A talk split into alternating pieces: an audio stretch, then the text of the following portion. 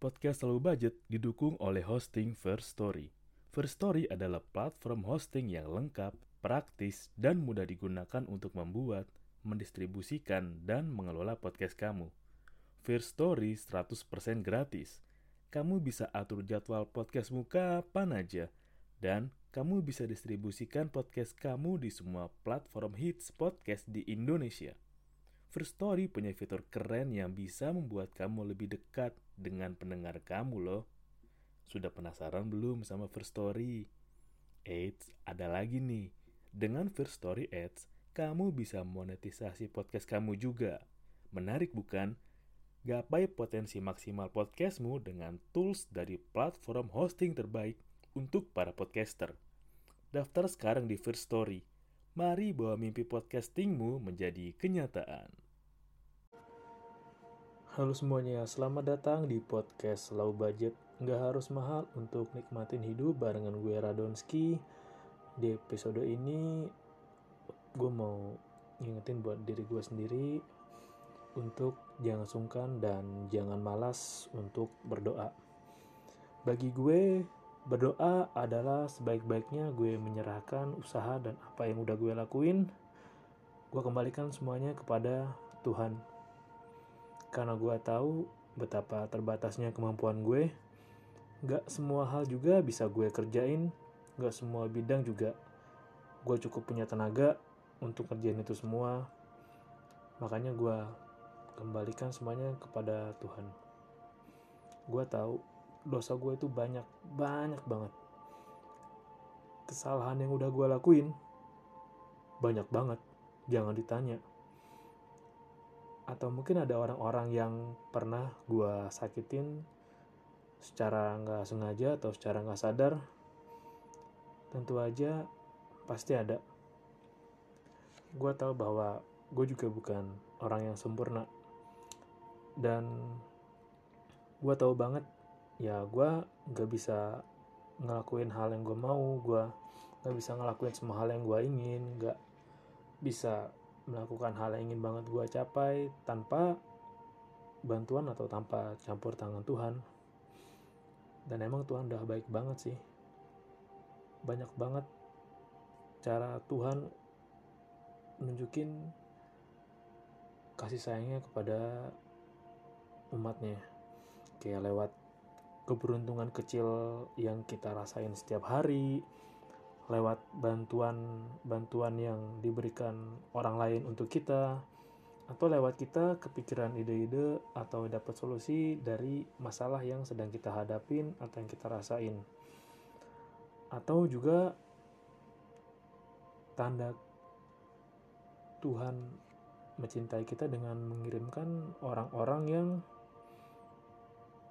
sefrekuensi atau orang-orang yang sama-sama mempunyai tujuan yang satu atau tujuan yang sama-sama ingin kita capai bisa dalam karir, bisa dalam bisnis, bisa dalam usaha, bisa dalam jodoh atau bisa dalam sahabat. Pada dasarnya juga memang manusia makhluk sosial dan nggak bisa sendirian.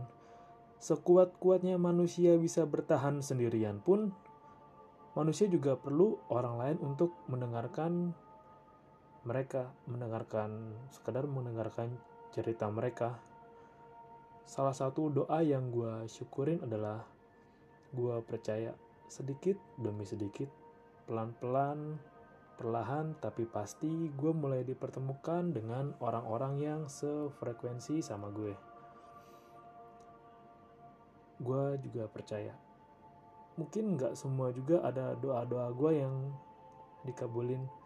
Ada juga doa-doa gue yang ditahan atau ditunda dulu karena gue diminta untuk lebih sabar lebih bersiap akan sesuatu yang lebih besar dari apa yang gue rencanain atau apa yang gue doain.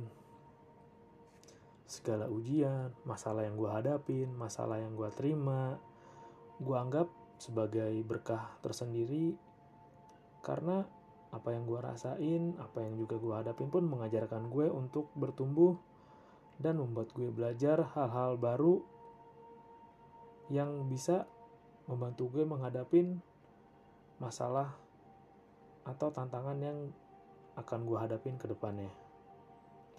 Gue selalu percaya juga Tuhan sering kali menitipkan pertolongannya dan bantuannya melalui orang lain. Makanya gue selalu ngajak orang-orang di sekitar gue, orang-orang yang nyempetin waktunya untuk dengerin podcast gue, ya agar kita ramah terhadap orang lain. Ramah dalam artian ya mencoba nice untuk ketemu dengan orang baru, mencoba ramah ketika lu ada di tempat umum, di tempat publik.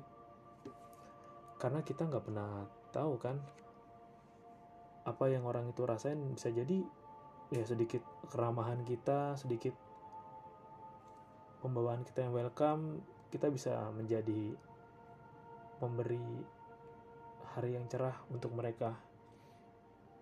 Dan kita juga karena nggak pernah tahu kan, bisa jadi bahwa stranger atau orang yang baru kita temuin di tempat publik, di tempat umum pun bisa jadi relasi kita ke depannya, bisa jadi partner kita ke depannya. Entah, kita nggak tahu kan. Karena kan emang kita dipertemukan dengan orang-orang tertentu, dengan orang-orang yang kita temui sepanjang perjalanan, pasti ada tujuan baik atau buruknya. Dan baik atau buruk buruknya pun tujuan utamanya ya agar kita mau belajar agar kita belajar dari kesalahan belajar bersyukur bahwa kita sedang dititipkan manusia dititipkan orang lain dititipkan teman untuk kita jaga sahabat untuk kita rawat orang lain dititipkan kita dititipkan orang lain ya agar kita bisa lebih ramah dan bisa lebih menghargai orang lain. Tuhan itu maha baik. Tuhan sering mengunjungi hambanya, namun hambanya sering kali sedang tidak ada di rumah. Gue juga sadar, sering kali gue suka angkuh, gue suka sombong, kayak gue merasa congak, gue bisa melak, gue gue merasa kadang gue juga merasa ah gue bisa nih ngelakuin segalanya ini mah gue mampu ah gini doang. Dan ketika gue udah terlalu jauh dengan sikap itu Tuhan berusaha menghentikan gue dan mengarahkan kembali gue ke jalan yang benar kayak dengan teguran gue dengan merasakan kejadian yang gak enak. Itu salah satu bentuk kasih sayang Tuhan terhadap gue, terhadap umatnya. Gue juga percaya bahwa Tuhan itu maha kaya. Maha super ultra sangat banget kaya. Gue tau kalau gue bisa minta apa aja dan gue tahu doa gue bisa dikabulin asal gue siap berusaha dan membayar harganya itu dan makanya kalau berdoa jangan sungkan-sungkan untuk minta yang banyak. Untuk bisa menghasilkan yang banyak karena emang kekayaannya berlimpah. Kekayaan Tuhan itu sangat banyak banget. Ibarat kata ya meng mengampar di semesta dan gue minta sedikit aja dari kekayaan Tuhan itu mau membaginya ke gue. Dan salah satu cara yang menurut gue jalan pintas agar doa kita cepat dikabul, dijabah, atau tadi doa kita agar diberikan kain oleh Tuhan biar cepat terwujud. Caranya dengan membantu orang lain. Iya, kalau mau doa kita cepat dikabul, apa pun itu, gimana caranya apa yang kita lakuin dapat membantu orang lain, membantu sebanyak mungkin orang lain. Karena ya semakin banyak orang yang kita bantu, semakin banyak juga limpahan rezeki yang Tuhan kasih. Karena secara nggak langsung kita berperan sebagai infrastruktur rezeki antara Tuhan melalui langit dengan manusia.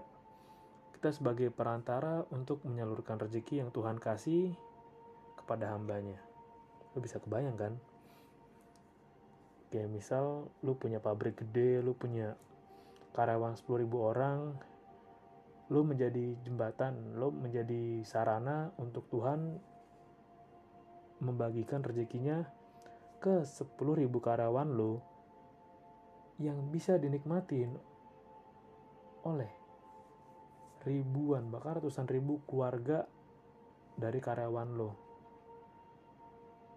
wah gue ngebayanginnya merinding sih itulah makanya kayak gue mau jadi orang kaya. Karena kalau gue punya banyak uang gue bisa banyak banget bantu orang. Dan ya banyak banget yang bisa gue bantu dan gue lakuin. Dan kalau gue punya karyawan 5000 satu karyawan gue punya anggaplah punya istri. Artinya gue punya karyawan 5000 gue bisa membantu kehidupan untuk 10.000 orang dan dan bayangin aja berapa nilai yang bisa gue terima untuk itu.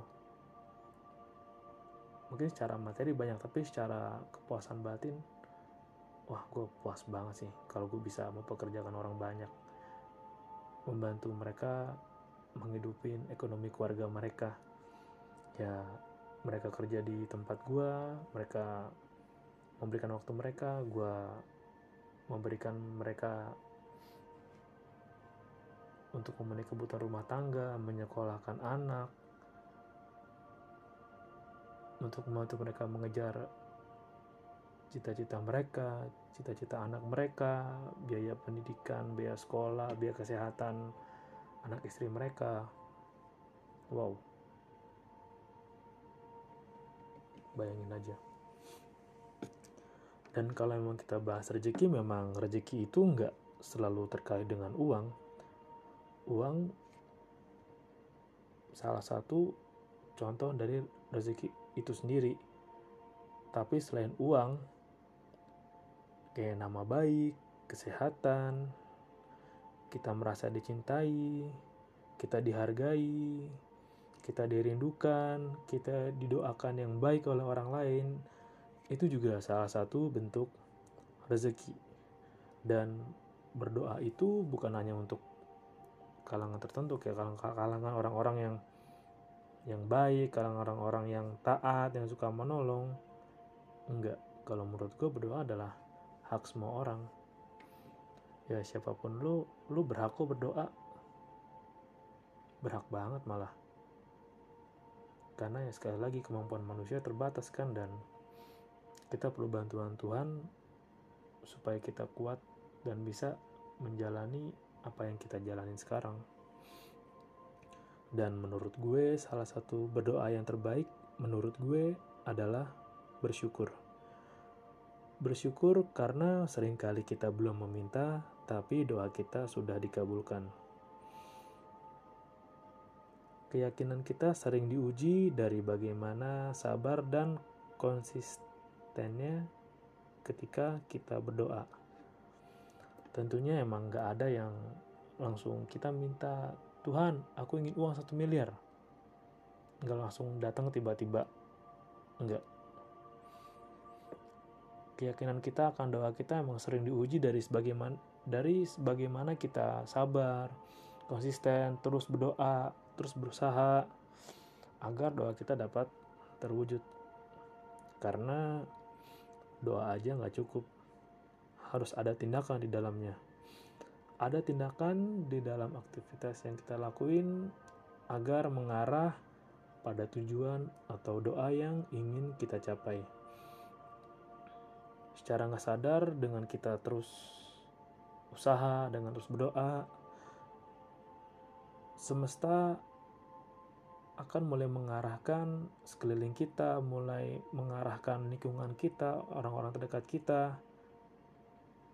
yang membimbing kita menuju tempat yang kita mau. Gue juga suka bayangin sih bagaimana yang gue rasain dulu sebelum doa gue diijabah. Gue bayangin betapa gue dulu gue minta ke Tuhan gue ingin punya ini gue pengen punya itu gue inget banget usaha gue usaha untuk ngumpulin uang ketika mau beli barang terus bayangin ketika gue udah punya barang itu dan ketika barang itu udah punya